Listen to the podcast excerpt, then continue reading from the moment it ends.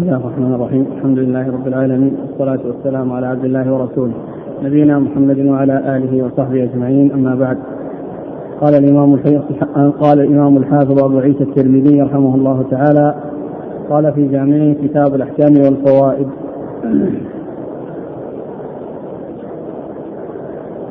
قال باب ما جاء في قتل الوزغ. قال حدثنا أبو كريب قال حدثنا وكيع عن سفيان عن سهيل بن أبي صالح عن أبيه عن أبي هريرة رضي الله عنه أن رسول الله صلى الله عليه وآله وسلم قال من قتل وزغة بالضربة الأولى كان له كذا وكذا حسنة فإن قتلها في الضربة الثانية كان له كذا وكذا حسنة فإن قتلها في الضربة الثالثة كان له كذا وكذا حسنة. قال وفي الباب عن ابن مسعود وسعد وعائشة وأم شريك رضي الله عنهم. قال أبو عيسى حديث أبي هريرة حديث حسن صحيح. بسم الله الرحمن الرحيم. الحمد لله رب العالمين وصلى الله وسلم وبارك على عبده ورسوله نبينا محمد وعلى آله وأصحابه أجمعين أما بعد. فيقول الإمام أبو عيسى الترمذي رحمه الله في جامعه كتاب الأحكام والفوائد وقد سبق أن مر في الدرس الماضي أن في بعض النسخ وهي نسخة الشارع تحفة الأحوذي أنه ليس فيها هذا الكتاب ولا الكتابين قبله وإنما فيها كتاب الصيد والأحاديث مستمرة في كتاب الصيد إلى كتاب الاضاحي وهو الكتاب الذي بعد هذا. وذكرت أن كثيرا من هذه الأحاديث التي جاءت في هذا الكتاب والذي قبله وهي تتعلق بالذبح والذبائح والقتل و وأن هذا لا يستقيم على باب كتاب الصيد وحده بل يعني يكون معه غيره يعني كأنه قال كتاب الصيد وغيره يعني مما يشابهه أو مما يعني هو قريب منه. وكما قلت يعني بعض العلماء يزود فيقول أو يذكر كتاب اسم كتاب الصيد والذبائح كتاب الصيد والذبائح لأنها آه متقاربة ومتشابهة. وقد اورد أبو عيسى حديث أبي هريرة رضي الله عنه أورد ترجمة باب قتل الوزغ باب قتل الوزغ نعم. باب قتل الوزغ وأورد في حديث أبي هريرة أن النبي صلى الله عليه وسلم قال من قتل وزغه في الضربة الأولى فله كذا وكذا ومن ضربها في الثانية فله كذا وكذا ومن الثانية كذا وكذا ومن ضربها في الثالثة فله كذا وكذا. يعني أبهم المقدار الذي هو له من الأجر. وكل آه والثانية أقل من الأولى والثالثة أقل من الثانية. أي أن أعظمها أجرا هي الأولى ثم تليها الثانية ثم تليها الثالثة وهذا وقد جاء في بعض الروايات الصحيحة أن الضربة الأولى له 100 له 100 حسنة.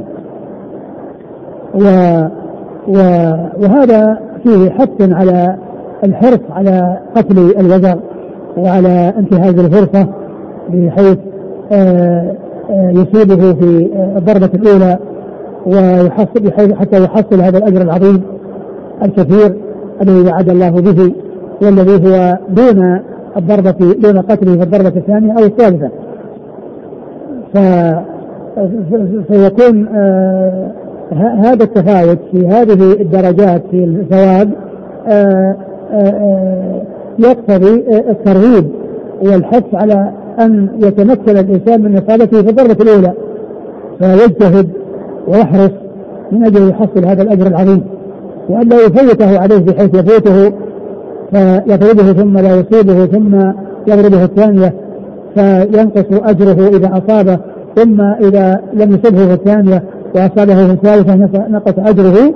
فيه آه بيان أو التأكيد والحث والترغيب في إصابته في الضربة الأولى ليحصل أو لتحصيل الأجر والثواب الكثير الذي وعد به والذي جاء في بعض الروايات الصحيحة لما في الشارح الذي ذكر في الصحيحين وفي أحدهما يعني أنه في آه أنه 100 درجة 100 حسنة.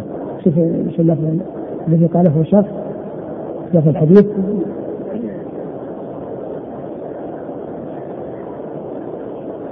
آه عند مسلم من قتل وزغا في أول ضربة كتبت له 100 حسنة. وقد جاء في بعض الأحاديث أن هذا ان الوزر كان يعني ينفخ النار على إبراهيم عليه الصلاة والسلام لما ألقي بها يعني هذا لشدة عدائه و يعني للإنسان وللبشر أنه يعني كان ينفخ في النار كما جاء في آه، بعض الأحاديث الصحيحة وقد أشار إليها إليه المصنف شوف الحديث الشارح إيش قال في قال وفي الباب عن فلان؟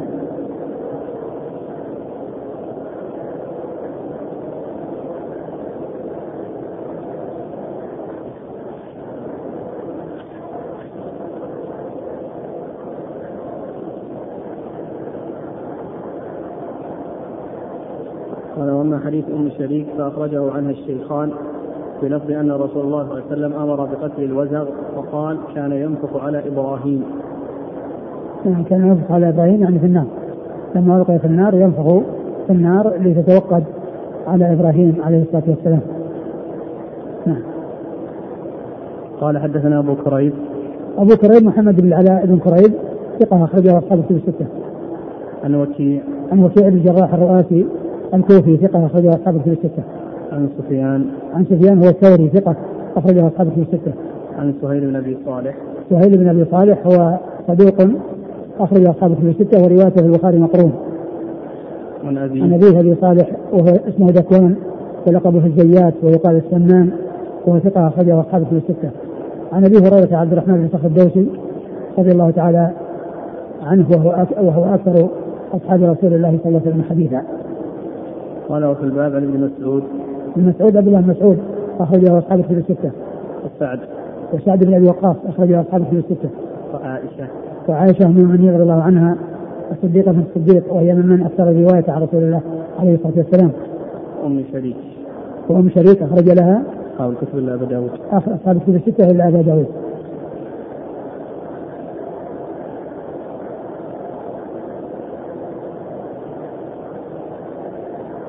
قال رحمه الله تعالى باب ما جاء في قتل الحيات.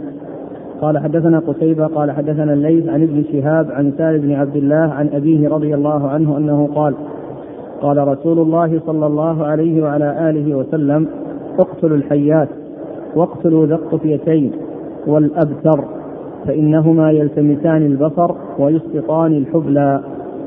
قال وفي الباب عن ابن مسعود وعائشة وأبي هريرة وسهل بن سعد رضي الله عنهم. قال أبو عيسى هذا حديث حسن صحيح.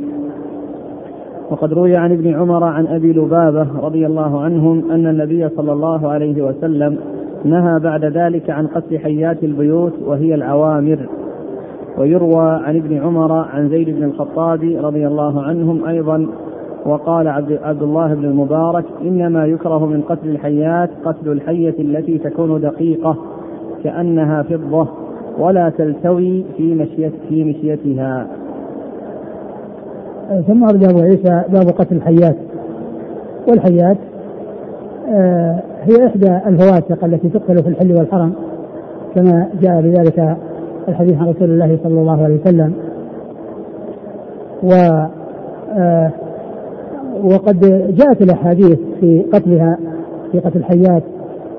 وقد أورد أبو عيسى هذا الحديث عن عبد الله بن عمر عن عبد الله بن عمر رضي الله تعالى عنهما أن النبي صلى الله عليه وسلم قال اقتلوا الحيات واقتلوا بالطفيتين والابتر يعني أنه آه، تقتل الحيات يعني كلها تقتل ويقتل أيضا الطفيتين وهو يعني وهي وهي حية في آه، في ظهرها يعني خطان يعني مثل آه، الطفيتين وقيل إنها يعني خوص شجر المقل. و والأبتر وهو يعني آه أيضا حية يعني أبتر قيل أنه قصير الذنب أنه قصير الذنب.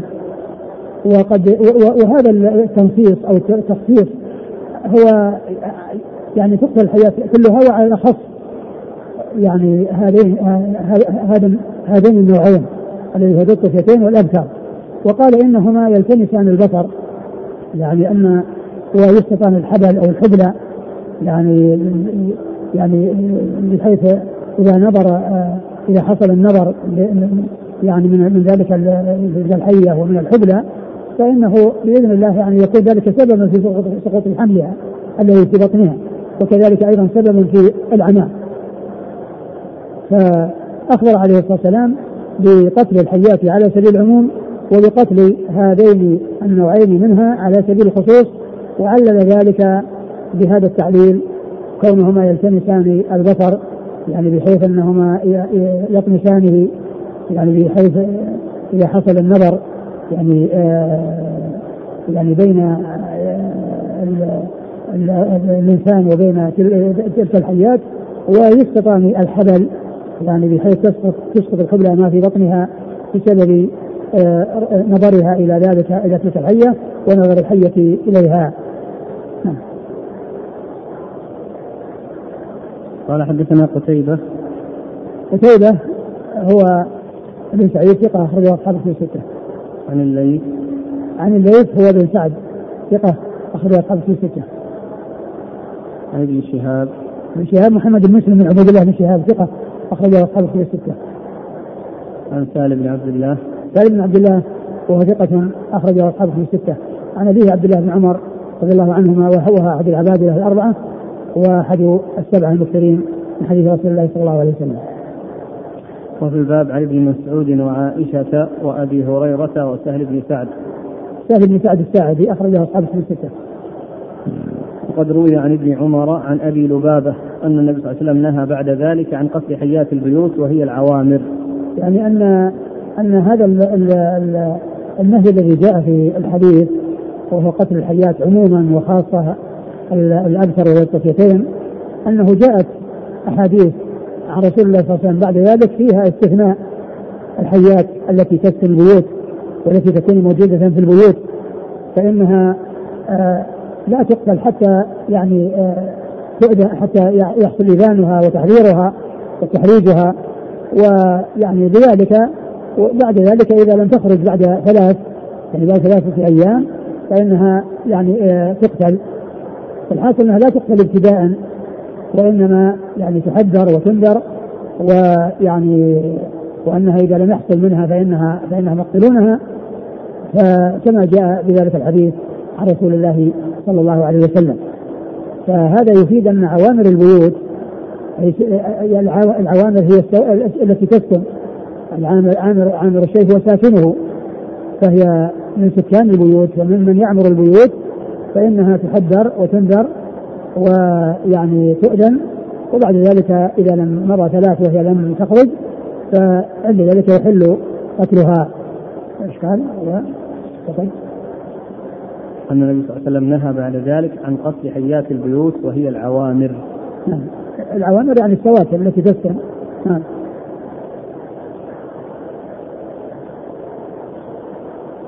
عن أبي لبابة. ابو لبابه بن عبد المنذر وهو صحابي أخرج له البخاري ومسلم وأبو داود بن ماجه. البخاري ومسلم وأبو داود بن ماجه. ويروى عن ابن عمر عن زيد بن الخطاب أيضا. نعم زيد بن الخطاب أخرج له. البخاري تعليقا ومسلم وأبو داود. البخاري تعليقا ومسلم وأبو داود. وقال عبد الله بن مبارك إنما يكره من قتل الحيات قتل الحية التي تكون دقيقة كأنها فضة ولا تلتوي في مشيتها. يعني الحديث عام أقول الحديث عام يعني عوامر البيوت يعني كل عوامر البيوت فانها تقتل. فإنها تؤذن أو يعني تحرج أو يعني تهدر وبعد ذلك تقتل بعد ثلاث.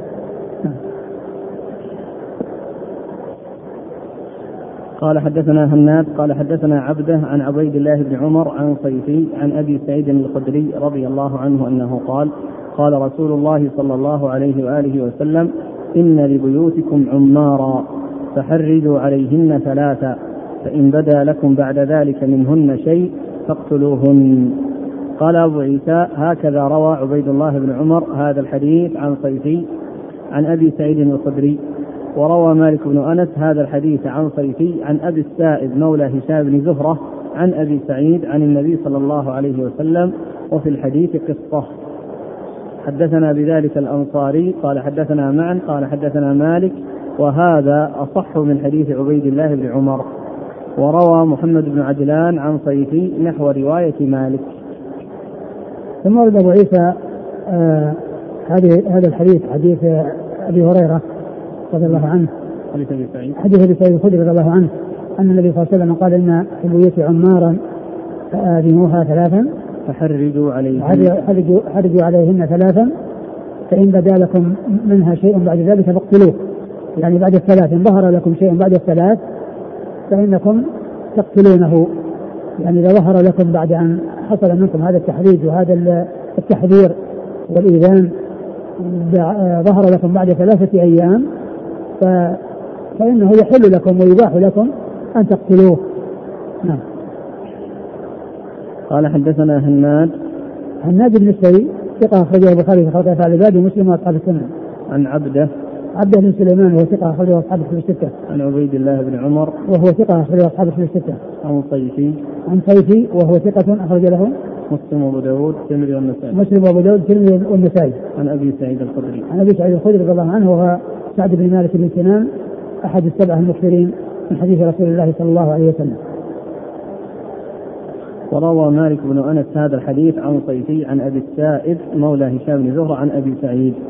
وهذه طريقة أخرى عن مالك وهو أنس إمام دار الهجرة المحدث الفقيه أحد أصحاب المذاهب الأربعة المشهورة من مذاهب السنة وحديثه أخرجه أصحاب الكتب الستة عن صيفي عن أبي السائب عن أبي السائب نعم وهو ثقة أخرجه البخاري في القراءة ومسلم وأصحاب السنن. وهو ثقة أخرجه البخاري في القراءة ومسلم وأصحاب السنن. قال وفي الحديث قصة. نعم. قال حدثنا بذلك الأنصاري. الأنصاري هو هو إبراهيم إسحاق بن موسى. نعم. نعم. بن موسى الأنصاري وهو وهو ثقة أخرجه مسلم والترمذي والنسائي بن ماجه. ثقة أخرجه مسلم والترمذي والنسائي بن ماجه. عن معن. عن معن وهو ابن عيسى ثقة أخرجه أصحاب الستة.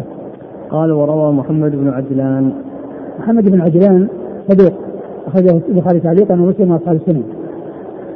قال حدثنا هناد قال حدثنا ابن أبي زائدة قال حدثنا ابن أبي ليلى عن ثابت البناني عن عبد الرحمن بن أبي ليلى أنه قال قال أبو ليلى رضي الله عنه قال رسول الله صلى الله عليه وآله وسلم إذا ظهرت الحية في المسكن فقولوا لها إنا نسألك بعهد نوح وبعهد سليمان بن داود ألا تؤذينا فإن عادت فاقتلوها.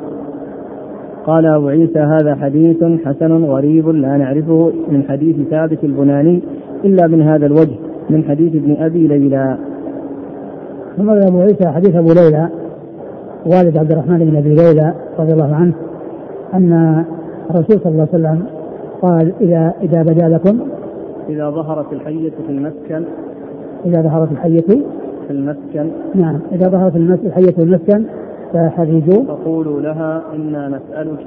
فقولوا لها إنا نسألك بعهد نوح وعهد سليمان أن لا تؤذينا. نعم. فإن فإن عادت. فإن عادت فاقتلوها. لا تؤذينا فإن عادت فاقتلوها. وهذا مثل الذي قبله في مؤسسة التحريج ولكن بهذه الطريقة وبهذه الكيفية هي جاءت من هذا الطريق الذي فيه ابن أبي ليلى الفقيه وهو يعني آه، ليس حجة. ولا يحتج بما, انفرد به وما جاء من طريقه وهو مشهور بالفقه ولكنه في الحديث آه، يعني ليس لا, لا, لا, لا, لا يعتد به يعني في فيما إذا انفرد. و والذي آه، ورد انه أنه تحرج وأن تحذر وانك إذا عدت يعني ان بقيت فإن سنقتلك. نعم. قال حدثنا هناد عن ابن أبي زائدة. ابن أبي زائدة هو يحيى يحيى بن زكريا ثقة أخرج أصحاب في الستة. عن ابن أبي ليلى. عن ابن أبي ليلى وهو محمد بن عبد الرحمن. ابن أبي ليلى وهو صدوق سيء الحفظ جدا صدوق سيء الحفظ جدا أخرج له أصحاب السنن السنن. عن ثابت البناني. ثابت بن أسلم البناني ثقة أخرج أصحاب في الستة. عن عبد الرحمن بن أبي ليلى. عبد الرحمن بن أبي ليلى وهو ثقة أخرج أصحاب في الستة. عن أبيه أبي ليلى. وهو صحابي أخرج له أصحاب السنن. أصحاب السنن. هل هذا خاص بالمدينة؟ آه الأحاديث وردت بلفظ العموم وبعضهم قال إنها خاصة بالمدينة لكن آه كونها جاءت على سبيل العموم يعني يدل على أنه لا يختص بالمدينة. قال رحمه الله تعالى باب ما جاء في قتل الكلاب. في الدرس الماضي الذي مر بنا وهو محمد بن يحيى الذي آه، آه، في حديث آه، إنها لا توطأ الحبلى يعني إلا إذا وضعت ما في حملها إذا كانت مسبيه وما ذكر معه في الحديث. وكان جاء في بعض النسخ أنه محمد بن يحيى ال ال شو اسمه هذا الأول؟ ليس القطعي نعم. محمد بن يحيى القطعي. وجاء في آه، آه، الحديث الذي سيأتي آه، من بنفس الطريق في نسبته النيسابوري الذي هو الدهلي. وبالرجوع إلى ترجمة أبي عاصم النبيل في تهذيب الكمال يعني وجد أو وجدت أنه أن الذي يروي عنه هو النيسابوري. ولم يذكر القطعي أنه من الرواة عن أبي عاصم النبيل فيكون الذي ذكره الترمذي هناك في الإسناد وأنه النيسابوري يعني هو الأظهر لأنه لم يذكر الحافظ أو لم يذكر المزي الحافظ المزي في تلاميذ أبي عاصم النبيل محمد بن يحيى القطعي. وإنما ذكر النيسابوري فقط. أما عن تحفه الأشراف فإنه ما زاد على أن قال محمد بن يحيى. يعني ولكنه جاء بعده بالحديث الذي يليه وذكره كما جاء النيسابوري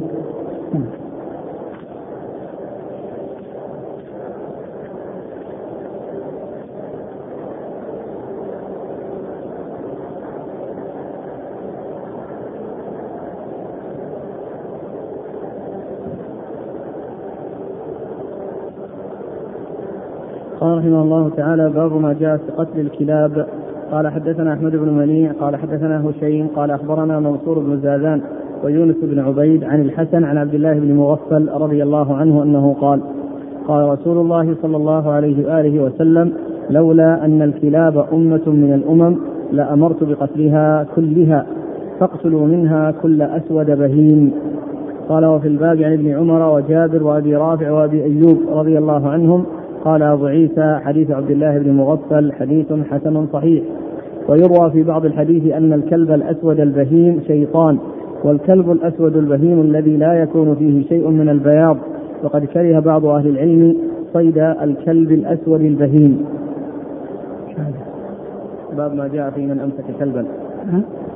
باب ما جاء من أمسك كلبا ما ينقص نعم. ثم ورد هذه الترجمة أبو عيسى هذه الترجمة وهي وهي باب ما جاء قتل الكلاب.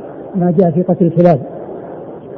آه، أورد فيه أبو عيسى هذا الحديث عن عبد الله بن مغفل. عن عبد الله بن مغفل رضي الله تعالى عنه أن النبي صلى الله عليه وسلم قال لولا أن الكلاب أمة من الأمم لأمرت بقتلها فاقتلوا منها كل أسود بهيم. ف آه، وجاء يعني بعد ذلك النهي عن قتل الكلاب. يعني فيكون يعني آه، آه، آه، الرسول قال لولا أن الكلاب أمة الامم لامرت بقتلها كلها ولكن اقتلوا منها كل أسود بهيم ويعني وهذا يفيد أن الرسول صلى الله عليه وسلم امتنع من الأمر بقتل الكلاب لأنها أمة من الأمم يعني وكما قال الله عز وجل وما من دابه في الأرض ولا طائر يطير وما من دابة في الأرض ولا طير يطير بجناحيه إلا أمم أمثالكم يعني فهي أمم تسبح الله عز وجل وكما قال الله عز وجل من شيء لا يسبح بحمده ولكن آه يقتل منها كل ما كان ضارا وكل ما كان مؤذيا والذي لا يؤذي من الكلاب وغيرها فإنه لا يقتل. ومن كان مؤذيا أي من أي نوع سواء كان من الكلاب أو من القطط أو من الدواب الأخرى يقتل لإيذائه. ولدفع ضرره وفساده وإفساده. أما إذا لم يحصل منه ضرر فإنه يترك ولا يقتل. ف آه، وقال هو كل أسود بهيم ولكن آه، آه، يعني القتل لما يحصل منه الضرر سواء كان أسود أو غير أسود. وقد جاء في بعض الأحاديث أن الكلب الأسود شيطان. الكلب الأسود شيطان. ونقصد ذلك أن فيه صفات الشياطين. مثل ما جاء في الإبل أن فيها صفات الشياطين وذلك لشدتها ول يعني غلظ طبعها وما يحصل يعني من من من من, من, من, من الضرر بها إذا إذا حصل منها يعني النفار أو ما إلى ذلك أو أو, أو يكون منها يكون ما يكون منها صائلا. ف فما كان مؤذيا هو الذي يقتل. وما كان غير مؤذن فإنه لا يقتل. من من الكلاب وغير الكلاب. من الكلاب وغير الكلاب. نعم. وش قال في الشرح؟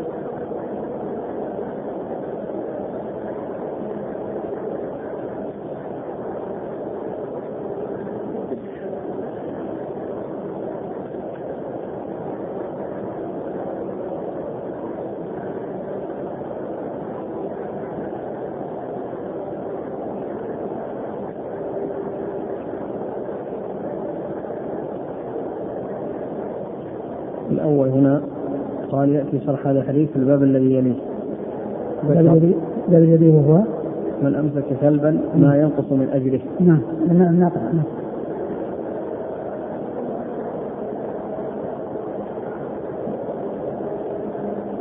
ترجم الرجال من نعم. رجال. إسناد؟ قال حدثنا أحمد بن منيع. أحمد بن منيع ثقة أخرجه اصحابه في السته عن حسين. حسين بن بشير الواسطي ثقة. أخرجه أصحاب الكتب الستة. عن منصور بن زادان. منصور بن زادان ثقة أخرجه أصحاب الكتب الستة. ويونس بن عبيد. وكذلك ثقة أخرجه أصحاب الكتب الستة. عن الحسن. حسن بن أبي الحسن ثقة أخرجه أصحاب الكتب الستة. عن عبد الله بن مغفر رضي الله عنه أخرجه أصحاب الكتب الستة. وفي الباب عن ابن عمر وجابر. نعم. وأبي رافع. أبو رافع آه، مولى رسول الله صلى الله عليه وسلم أخرج له أصحاب الكتب. أصحاب الكتب نعم. وأبو, وأبو أيوب. وأبو أيوب الأنصاري خالد بن زيد أخرجه أصحاب الكتب الستة. قال ويروى في بعض الحديث أن الكلب الأسود البهيم شيطان. والكلب الأسود البهيم الذي لا يكون فيه من شيء من البياض. وقد كره بعض أهل العلم الصيد الكلب الأسود البهيم يعني أنه لا يتخذ للصيد يعني بعض العلم كرهه لما ورد فيه من تخصيص بمثل هذا يعني هذا الكلام قال رحمه الله تعالى باب ما جاء من أمسك كلبا ما ينقص من اجره قال حدثنا أحمد بن منيع قال حدثنا إسماعيل بن إبراهيم عن أيوب عن نافع عن ابن عمر رضي الله عنهما أنه قال قال رسول الله صلى الله عليه وعلى آله وسلم من اقتنى كلبا أو اتخذ كلبا ليس بضار ولا كلب ماشية نقص من اجره كل يوم قيراطان. قال وفي الباب عن عبد الله بن مغفل وأبي هريرة وسفيان بن أبي زهير قال أبو عيسى حديث ابن عمر حديث حسن صحيح وقد روي عن النبي صلى الله عليه وسلم أنه قال أو كلب زرع. قال حدثنا قتيبة قال حدثنا حماد بن زيد عن عمرو بن دينار عن ابن عمر أن رسول الله صلى الله عليه وسلم أمر بقتل الكلاب إلا كلب صيد أو كلب ماشية. قيل له إن أبا هريرة كان يقول أو كلب زرع. فقال إن أبا هريرة له زرع. قال أبو عيسى هذا حديث حسن صحيح. ثم أورد أبو عيسى هذه الترجمة باب آه باب ما من أمسك كلبا ما ينقص من أجره. باب من أمسك كلبا ما ينقص من أجره أي ما الذي ينقص من أجره؟ وذلك أن إمساك الكلاب من غير آه من غير آه ما رخص فيه يحصل أجرا يفوت أجرا وينقص أجرا. لأن الكلاب لا تدخل البيت الذي فيه لا تدخل لأن المملكة لا تدخل البيت الذي فيه كلب كما جاء ذلك في الحديث. ف فيكون إمساكها وإدخالها البيوت وإبقائها في البيوت يعني سببا في حرمان دخول الملائكة ويعني وينقص من أجره أيضا شيء كما جاء في بعض نقص من أجره قراط ولا في الذي سيأتي فإنه ينقص من أجره كل يوم قراطان. كل يوم كل يوم قراطان. والقراطان يعني معناه مقدار من الثواب. مقدار من الثواب آه الله أعلم بتحديده وبمقداره لكن ما دام في نقص أي نقص فإن هذا ضرر وخطر على الإنسان. إنه يعني آه يتخذ آه آه كلابا تكون في سبب في نقص أجره بل عليه أن يبتعد عن كل شيء ينقص أجره.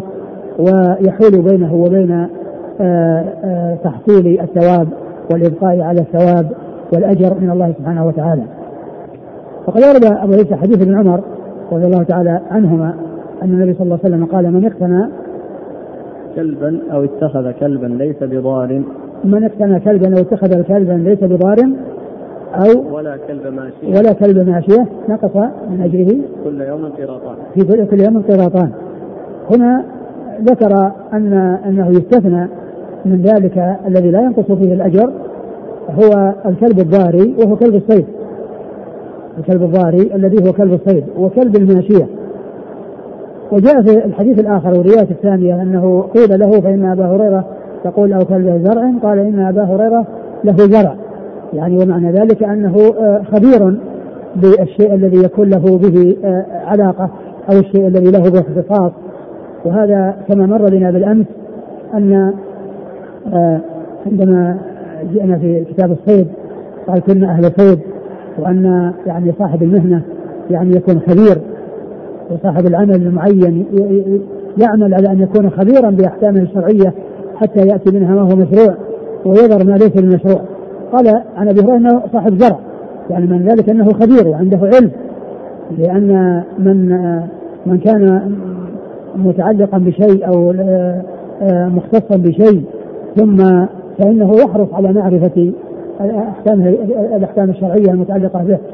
ولهذا جاء عن أبي هريرة وعن غيره ذكر الثلاثة التي هي كلب الماشي كلب الصيد وكلب الماشية وكلب الزرع. قال حدثنا أحمد بن منيع عن إسماعيل بن إبراهيم إسماعيل بن إبراهيم بن علية ثقة أخرجه أصحاب في الستة. عن أيوب أيوب بن أبي تميم السختياني ثقة أخرجه أصحاب في الستة.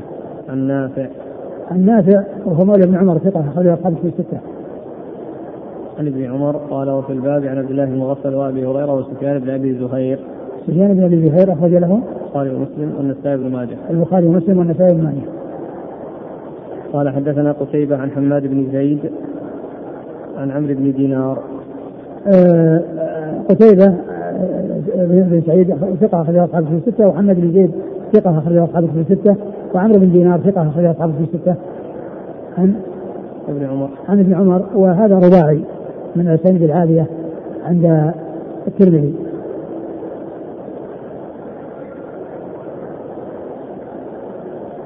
قال حدثنا عبيد بن أسباط بن محمد القرشي قال حدثنا أبي عن الأعمش عن إسماعيل بن مسلم عن الحسن عن عبد الله بن مغفل رضي الله عنه أنه قال إني لممن يرفع أغصان الشجرة عن وجه رسول الله صلى الله عليه وآله وسلم وهو يخطب.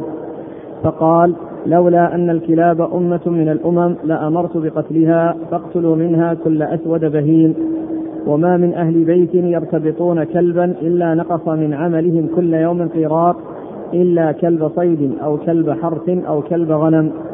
قال أبو عيسى هذا حديث حسن وقد روي هذا الحديث من غير وجه عن الحسن عن عبد الله بن مغفل عن النبي صلى الله عليه وآله وسلم. ثم أورد أبو عيسى حديث آه، عبد الله بن مغفل. رضي الله عنه قال آه، لولا أن الكلاب أمة إني لممن يرفع أغصان الشجرة. إني ممن يرفع أغصان الشجرة عن رسول الله صلى الله عليه وسلم ويخطب وهذا ومثل هذا الكلام يدل على ضبط الراوي لما رواه. كون ضبط الصحابي لما رواه لأن كونه يذكر آه، شيئا عند آه، تحمله الحديث يعني يدل على آه، ضبطه وإتقانه للشيء الذي تلقاه. لأنه روى الحديث وتحمل الحديث وعرف الهيئة التي كان هو عليها عندما كان رسول الله صلى الله عليه وسلم يحدث بالحديث وأنه كان يرفع اغصان الشجرة عن وجه رسول الله صلى الله عليه وسلم لأنه كان تحت شجرة. فهذا يعني من الأشياء التي يذكر العلماء أنها تدل على الضبط. ومنها حديث ابن عمر يقول قال قال أخذ رسول الله صلى الله عليه وسلم بمنكبي لأنه يتذكر الهيئة التي كان الرسول صلى الله عليه وسلم فعلها عندما حدث بهذا الحديث يعني وضع يده على كتفه وهو يحدث بهذا الحديث. فهذا قالوا فيه آه، ضبط الراوي ما تحمله لأنه تذكر مع لأنه ضبط مع الحديث الهيئة التي آه، كان عليها عند التحديث بالحديث. لولا أن الكلاب أمة من الأمم لأمرت بقتلها. بقتلها. هذا مثل الذي مر. وجاء فيه هذه الزيادة. وهي؟ قال فاقتلوا منها كل أسود بهيم وما من أهل بيت يرتبطون كلبا إلا نقص من عملهم كل يوم قراط وما من أهل بيت يرتبطون كلبا إلا نقص من عملهم كل يوم قراط فيعني فهذا مثل الذي قبله الا ان هذا في قيراط وهناك فيه قيراطان. نعم. إلا إلا كلب صيد أو كلب حرث أو كلب غنم. نعم هذا الذي يستثنى وأنه يعني يجوز اتخاذه ولا يحصل نقص أجر به لأنه معدون به شرعا فلا يحصل به نقص الأجر. نعم. أما ما لا يؤذن به شرعا فهو الذي ينقص به الأجر. نعم. قال حدثنا عبيد بن أسباط بن محمد. عبيد بن أسباط بن محمد هو صدوق أخرج البخاري في القراءة والترمذي وابن ماجه. صدوق أخرج البخاري في القراءة والترمذي. والترمذي وابن ماجه. عن أبيه عن أبيه هو أسباط بن محمد وهو ثقة أخرج أصحاب الكتب. ثقة أخرج أصحاب الكتب الستة. عن الأعمش. الأعمش سليمان بن مهران الكاهلي. ثقة أخرج أصحاب الكتب الستة. إسماعيل بن مسلم. إسماعيل مسلم هو هو المكي وهو ضعيف. أخرج له. الترمذي وابن ماجه. الترمذي وابن ماجه. عن الحسن. عن الحسن وهو مر ذكره وعبد الله مغفل مر ذكره قال حدثنا الحسن بن علي الحلواني وغير واحد قال واخبرنا عبد الرزاق قال أخبرنا معمر عن الزهري عن أبي سلمة بن عبد الرحمن عن أبي هريرة رضي الله عنه أن النبي صلى الله عليه وآله وسلم قال من اتخذ كلبا إلا كلب ماشية أو صيد أو زرع انتقص من أجله كل يوم قراط قال أبو عيسى هذا حديث حسن صحيح ويروى عن عطاء بن أبي رباح أنه رخص في امساك الكلب وإن كان للرجل شاة واحدة. حدثنا بذلك إسحاق بن منصور قال حدثنا حجاج بن محمد عن ابن جريج عن عطاء بهذا. ثم أورد أبو عيسى حديث أبي هريرة الذي فيه ذكر استثناء كلب الصيد والماشية والزرع وهو الذي قال ابن عمر إن أبا هريرة صاحب زرع يعني عنده علم وهذا هو العلم الذي عنده. وهو هذا الحديث الذي يرويه عن رسول الله صلى الله عليه وسلم وفيه ذكر هذه الأمور الثلاثة المستثنات. ومنها كلب الزرع الذي يتخذ لحراسة الزرع. وقد ذكر يعني أثرا يعني بعد ذلك عن عطاء بن أبي رباح أن الإنسان له أن يتخذ الكلب لحراسة الماشية ولو كانت قليلة حتى ولو كانت واحدة ولو كان له شاة واحدة فإنه يرخص له أن يتخذ شيئا لحراستها. نعم. قال حدثنا الحسن بن علي الحلواني وهو ثقة أخرجه أصحاب في الستة من النسائي. عن عبد الرزاق عبد الرزاق بن همام ثقة أخرجه أصحاب في الستة. ومعمر أخرجه أصحاب في الستة ثقة أخرجه أصحاب في الستة. عن الزهري عن أبي سلمة آه، أبو سلمة بن عبد الرحمن بن عوف ثقة أخرجه أصحاب في الستة. عن أبي هريرة نعم. ويروى عن عطاء بن أبي رباح عطاء بن أبي رباح ثقة أخرجه أصحاب في الستة. حدثنا بذلك إسحاق بن منصور. إسحاق بن منصور الكوكب ثقة أخرجه أصحاب في الستة إلا أبا داود. الحجاج بن محمد. الحجاج بن محمد النصيصي الأعور وهو ثقة أخرجه أصحاب في الستة. عن ابن جريج. عن ابن جريج وعبد الملك بن عبد بن جريج. ثقة أخرجه أصحاب في الستة. عن عطاء يعني الذي هو صاحب الكلام لأن هذا إسناد إليه. وهذا يسمى المقطوع في علم المصطلح لأن الإسناد إذا انتهى إلى من دون الصحابي يقال له مقطوع وإن انتهى إلى الصحابي قيل له موقوف وإن انتهى إلى رسول الله صلى الله عليه وسلم قيل له مرفوع. فالإسناد الذي ينتهي إلى رسول الله عليه الصلاة والسلام يسمى مرفوع والذي ينتهي إلى الصحابي يقال له موقوف والذي ينتهي إلى من دون الصحابي يقال له مقطوع وهو غير المنقطع. لأن المنقطع من صفات الإسناد والمقطوع من صفات المتون. لأن المقطوع هو متن انتهى إسناده إلى من دون الصحابي والمنقطع هو الذي يسقط من إسناده رجل أو أكثر. نعم. لا أسئلة عن اتخاذ الكلب للحراسة حراسة الماشية وحراسة الزرع. والصيد هذه حراسة البيت. لا. ما يجوز اتخاذ الحراسة في البيت. هل اتخاذ هذا المأذون فيه كلب صيد أو زرع أو ماشي يمنع من دخول الملائكة؟ آه، معلوم أن البيوت يعني لا يتخذ فيها آه، كلاب. لكن يعني مثل مثل حظائر الحظائر ومثل الزرع.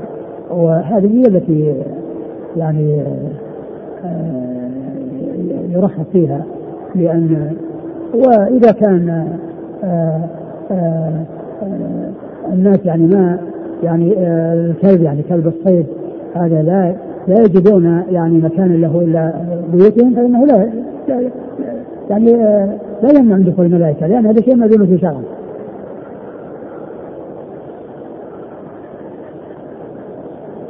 هل القراط الوارد في هذا الحديث مثل القراط الوارد في الصلاة على الجنازة؟ لا لا ليس ليس كذلك لأن ذاك في الثواب وقد جاء أنه مثل أحد وأما هذا فهو عقاب فلا يكون مثل هذا مثل هذا.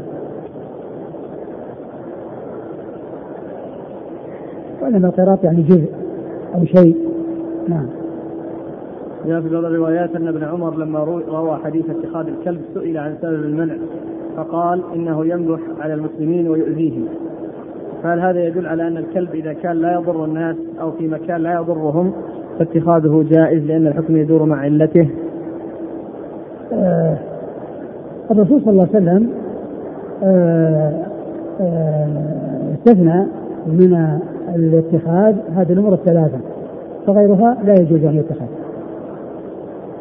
لكن هذا من من أسبابه من أسبابه أو من من من, من الأشياء التي يعني هي كونه يؤذي الناس يكون يعني أيضا يكون سببا في نقص الأجر. وهو ينقص أجره لو اتخذه ولا لم يؤذي أحدا من الناس. لكنه إن آذى أحدا من الناس هذا يكون أشد وأشد. نقل الشارح عن القاري في قوله نقص من أجله كل يوم قراطان أي من أجل عمله الماضي. فيكون الحديث محمولا على التهديد لأن حبط الحسنة بالسيئة ليس من مذهب أهل السنة والجماعة. نعم يعني من الحسنات يذهبن السيئات. وأما كون السيئات تذهب الحسنات هذا ليس يعني قال ليس مذهب أهل السنة والجماعة.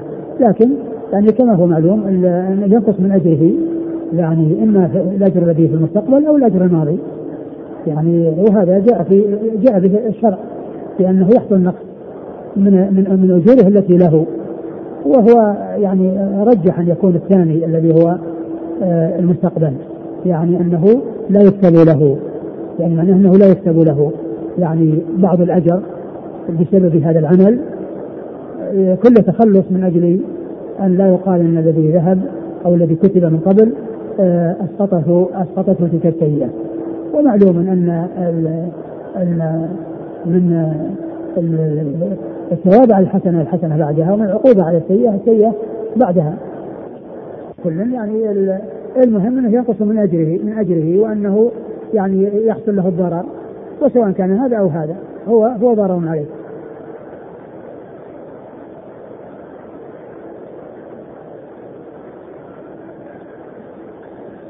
قال رحمه الله تعالى باب ما جاء في الزكاة بالقصب وغيره. قال حدثنا هناد قال حدثنا أبو الأحوص عن سعيد بن مسروق عن عباية بن رفاعة بن رافع باب الزكاة بالقصب نعم. وغيره. نعم. قال حدثنا هناد قال حدثنا أبو الأحوص عن سعيد بن مسروق عن عباية بن رفاعة بن رافع بن خديج عن أبيه عن جده رافع بن خديج رضي الله عنه أنه قال قلت يا رسول الله إنا نلقى العدو غدا وليست معنا مدى. فقال النبي صلى الله عليه وسلم ما أنهر الدم وذكر اسم الله عليه فكلوه ما لم يكن سنا أو ظفرا أو ظفرا وسأحدثكم عن ذلك. أما السن فعظم. وأما الظفر فمدى الحبشة. ثم ورد أبو عيسى باب في الذبح بالقصب وغيره. نعم. بالقصب وغيره. يعني بغير السكاكين لأن السكاكين هي هي الأصل فيما يذبح به. يعني المدى والسكاكين هي التي يذبح بها ولهذا قال ليس معنا مدى. يعني يشير إلى أن الذي يذبح به ليس معنا. وهذا يعني معلوم عندهم معهود عندهم أن الذبح يكون بالسكين. الشفرة كما جاء في حديث شداد بن شداد بن بن, بن أوس آه الذي يقول فيه إن الله كتب الإحسان على كل شيء فإذا قتلتم فأحسنوا القتلة وإذا ذبحتم فأحسنوا الذبح وليحد أحدكم شفرته. أي السكين؟ وليرح ذبيحته.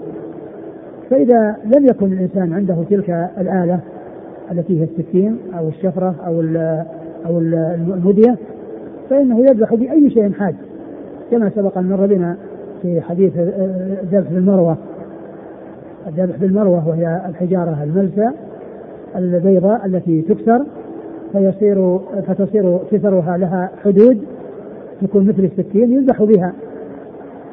فإن الذبح يكون لكل شيء آه، يحصل به آه، آه، إراقة الدماء وإنهار الدم وإزهاق الروح. يعني بذلك من أي شيء كان سواء كان من الحجر أو من أو من الحديد يعني ما ليس سكاكين أو من من من القصب. والقصب هو المدبب المجوف الذي يعني يعني يقسم قسمين ثم يكون يعني حادا يذبح به عند الحاجة كما يذبح بالحجر عند الحاجة. آه، أورد فيه حديث رافع بن خديج. رافع بن خديج رضي الله عنه أنه قال أنه قال قلنا يا رسول الله يا رسول الله إنا لاقوا العدو غدا وليس مع معنا, معنا مدى فبأي شيء نذبح؟ فقوله هنا لاقوا العدو غدا وليس معنا مدى يعني فسر بأن المقصود أنهم إذا حصلوا شيء من الغنائم احتاجوا للذبح أو أنهم يذبحون يعني مما معهم ليتقووا على العدو. ليتقووا على العدو يعني ليأكلوا ويتقووا على العدو بحيث لا يكون معهم ضعف وهزال بسبب عدم الطعام وبعدم تناول الطعام. فالرسول صلى الله عليه وسلم أتى بقاعدة عامة قال ما أنهر الدم وذكر اسم الله عليه فكل ليس السن والبصر ما أنهر الدم المقصود بأي شيء ينهر الدم سواء كان من حديد أو من آه، قصب أو من حجارة. أو من أي شيء يكون حادا يحصل به آه، الذبح وإراحة آه، الذبيحة. ما أنهر الدم وذكر اسم الله عليه ومعنى ذلك أنه لا بد من ذكر اسم الله عز وجل على الذبيحة عند ذبحها. وإذا وهذا عند الذكر وأما إذا نسي الإنسان فإنها تحل. فإما إذا نسي فإنها تحل. لم يذكر الله عز وجل نسيانا فإنها تحل. فكل ليس السن والظفر. يعني يستثنى من هذه الأشياء العامة التي هي غير السكاكين والتي هي خارجة عن السكاكين. هذه القاعدة العامة. يستثنى من ذلك السن والظفر. والمصنف عقد ترجمة للقصب لأنه ما ليس موجودا في آه في آه في الحديث لأن في الحديث ما في إلا ذكر السكاكين التي يذبح بها إذا ما عدا السكاكين مما يحصل به الذبح وإراحة الذبيحة وإنهار الدم فإنه آه، يعتبر ذبحا شرعيا سواء كان من قصب أو من حصى أو من من حجارة أو غير ذلك. وذكر اسم الله عليه السن والظفر. ثم إنه صلى الله عليه وسلم بين أن الظفر أن أن أن السن أنه عظم والعظام لا يذبح بها. وقد جاء في بعض الأحاديث أن العظام هي طعام إخوان إخواننا من الجن. ولهذا جاء أنه لا يستثنى لا يستنجى بعظم ولا بروث لأن العظام هي طعام الجن والروث هو طعام دوابهم كما جاء في ذلك الحديث عن رسول الله صلى الله عليه وسلم. ففي الذبح به تلويث له كما أنه لا يستنجى بها كذلك لا يذبح بها فيكون عليها الدم. وأما الظفر فمدى الحبشة. يعني والمقصود من ذلك أن هذا من من عمل الكفار الذي آه، نهينا عن آه، عن موافقتهم فيما يفعلونه نعم. قال حدثنا حماد عن أبي الأحوص أبو الأحوص هو سلام بن سليم الحنفي وهو ثقة أخرجه أصحاب الكتب الستة. عن سعيد بن مسروق سعيد بن مسروق هو والد سفيان الثوري وهو ثقة أخرجه أصحاب الكتب الستة. عن عباية بن رفاعة عباية بن رفاعة هو ثقة أخرج له أصحاب الكتب أصحاب الكتب عن أبيه عن أبيه وهو رفاعة بن رافع وهو وهو ثقة أخرج البخاري وأبو داود والترمذي والنسائي. ثقة أخرج البخاري وأبو داود والترمذي والنسائي. عن جده رافع. عن جده رافع بن خديجة رضي الله عنه أخرجه أصحاب الكتب الستة. قال حدثنا محمد بن بشار قال حدثنا يحيى بن سعيد. وهذا الحديث من قواعد الشريعة. يعني هذا الذي فيه من القواعد العامة. لأنه بين أن كل شيء يحصل به انهار الدم هو حلال ويحل به الذبيحة ويستثنى من ذلك أن آه، أن يكون الذبح بالظفر أو يكون أو يكون بالعظم فهذا من القواعد الكلية ومن الأمور العامة الجامعة التي تأتي تأتي بكلام الرسول صلى الله عليه وسلم. قال حدثنا محمد بن بشار قال حدثنا يحيى بن سعيد عن سفيان الثوري قال حدثنا أبي عن عباية بن رفاعة عن رافع بن خديج رضي الله عنه عن النبي صلى الله عليه وسلم نحوه ولم يذكر فيه عباية عن أبيه وهذا أصح وعباية قد سمع من رافع والعمل على هذا عند أهل العلم لا يرون أن يذكى بسن ولا بعظم. نعم. قال حدثنا محمد بن بشار. محمد بن بشار ملقب بن دار وهو ثقة. أخرجه أصحاب في الستة وهو شيخ الاصحاب في الستة. عن يحيى بن سعيد. هو القطان. نعم. عن سفيان الثوري. نعم. عن أبيه.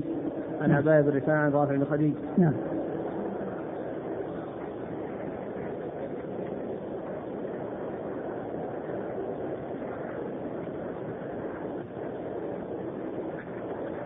قال رحمه الله تعالى باب ما جاء في البعير والبقر والغنم. إذا ند فصار وحشيا يرمى بسهم أم لا؟ قال حدثنا هناد قال حدثنا أبو الأحوص عن سعيد بن مسروق عن عباية بن رفاعة بن رفاعة بن رافع عن أبيه عن جده رافع بن خديج رضي الله عنه أنه قال: كنا مع النبي صلى الله عليه وآله وسلم في سفر فند بعير من إبل القوم ولم يكن معهم خيل. فرماه رجل بسهم فحبسه الله فقال رسول الله صلى الله عليه وآله وسلم إن لهذه البهائم أوابد كأوابد الوحش فما فعل منها هذا فافعلوا به هكذا. قال حدثنا محمود بن غيلان قال حدثنا وكيع قال حدثنا سفيان عن أبيه عن عباية بن رفاعة عن جده رافع بن خديج رضي الله عنه عن النبي صلى الله عليه وآله وسلم نحوه ولم يذكر فيه عباية عن أبيه وهذا أصح. والعمل على هذا عند أهل العلم. وهكذا رواه شعبة عن سعيد بن مسروق نحو رواية سفيان. ثم روي أبو عيسى هذه ترجم باب في البعير إذا ندى. هل آه، هل في البعير والبقر والغنم إذا ند فصار وحشيا يرمى بسهم أم لا؟ آه، باب في البعير والبقر والغنم إذا ند يرمى بسهم أو لا. الأصل في ذبح بهيمة الأنعام أنها كما مر تذبح مع حلقها وهو الذي يفصل الرأس عن الرقبة أو من لبتها التي تكون آه، عند ملتقى آه، أمص الرقبة من اليدين. وقد عرفنا أن أن الأصل في البقر والغنم أنها تذبح وأن الأصل في الإبل أنها تنحر وأنه يجوز نحر ما ينحر وذبح ما وذبح نحر ما نحر ما يذبح وذبح ما ينحر. يعني يجوز العكس. يجوز العكس. وأن يعني أن خلاف ذلك لا يكون إلا للضرورة.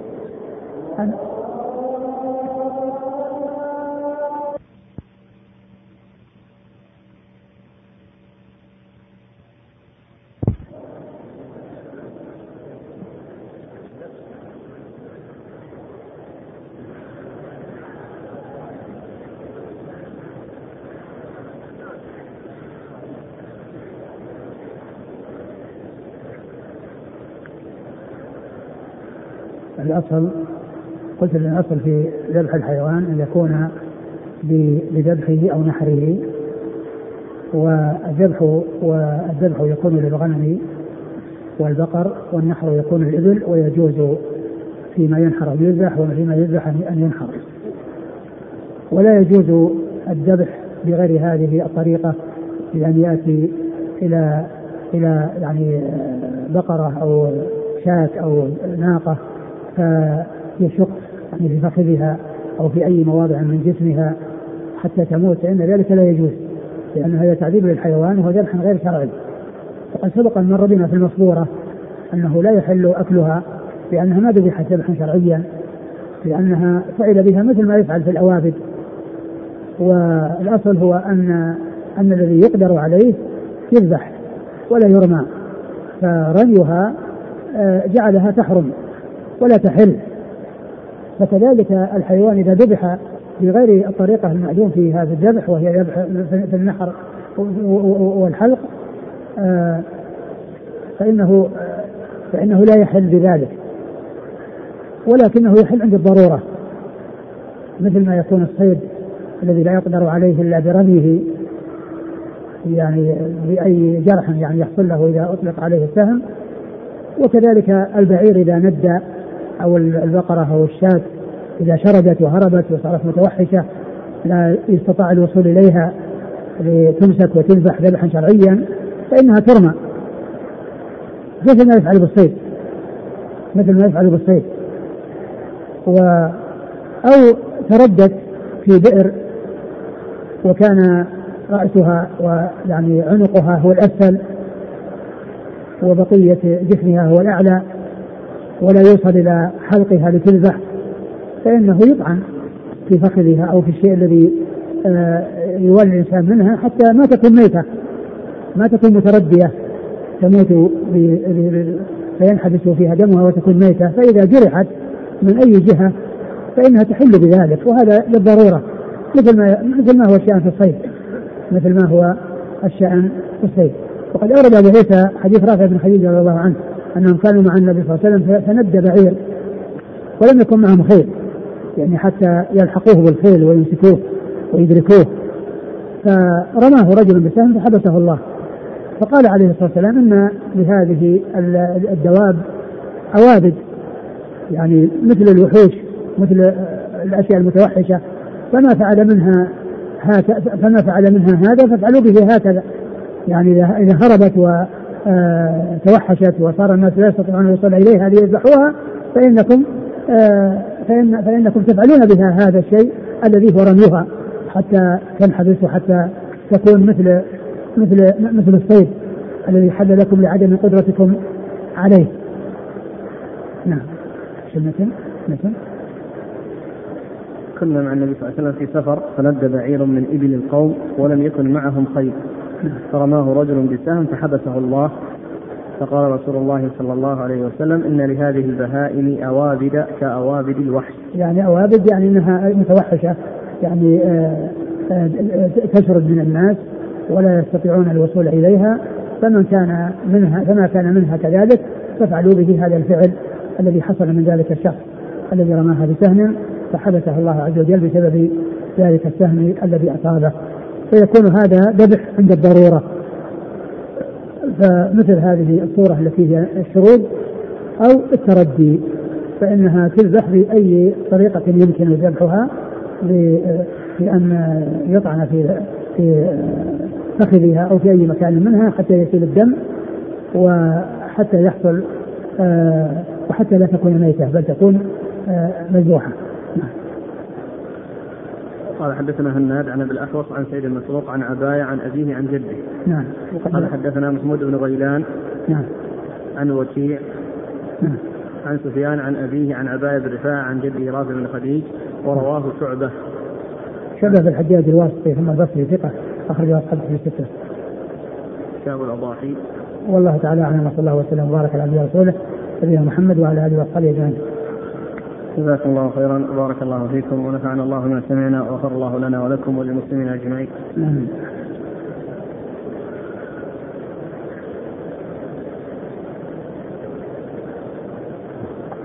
يقول هل يجوز طعن الحيوان خاصة مثل البقر بين القرنين ضربه أو جرحه لكي يسهل الذبح؟ لأن البقر غالبا ما يكون صعب الإضجاع على الأرض. لا يجوز الإيذاء الحيوان. لا يجوز إذا الحيوان الرسول صلى الله عليه وسلم يقول إذا قتلتم فأحسن قتله وإذا ذبحتم فأحسن ذبحة. وليحد أحدكم شفرته وليرح ذبيحته. وضربها يعني بشيء يعني آه، يؤذيها لا يجوز لأن هذا من إيذاء الحيوان وهو لا يجوز. وإنما يعني آه، يعملون آه، عند ذبحها الشيء الذي يمكنهم الوصول إليه بطريقة شرعية بدون أن يكون فيها إيذاء للحيوان مسألة تكرار الكتب آه، ذكرت في التحفة أنها أصح من النسخة اللي بين أيدينا.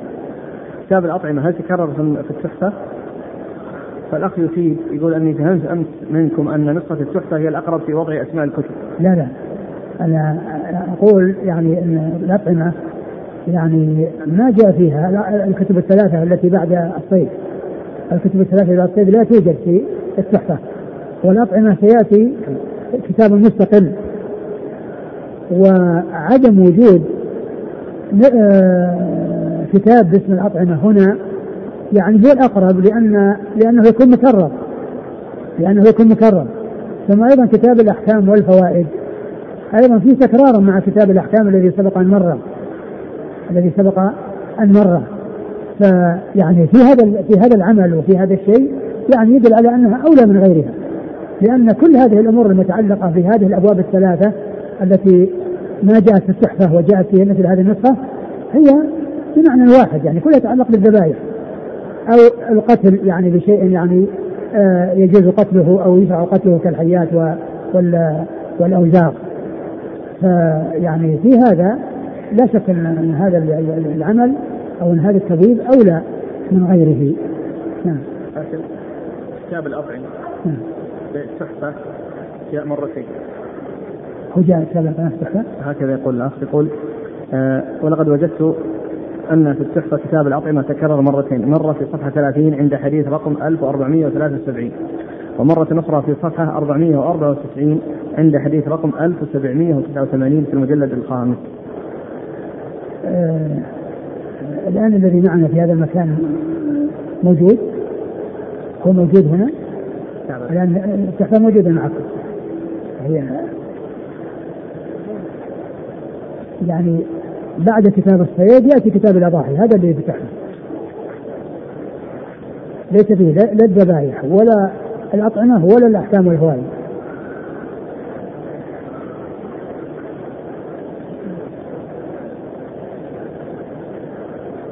آه، باب ما جاء في كراهية أكل المصبورة.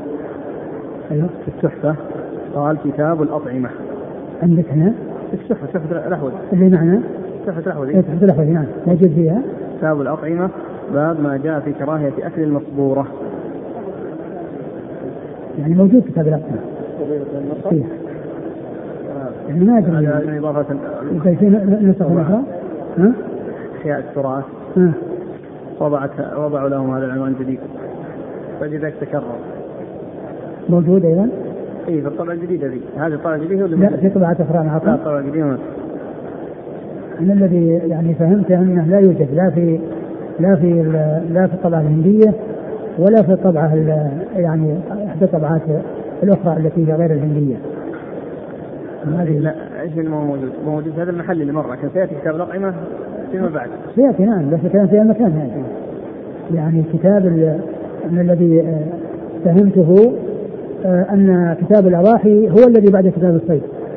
معناه ليس فيه لا الأطعمة ولا كذا. هل في نسخ أخرى يعني غير هذه النسخة؟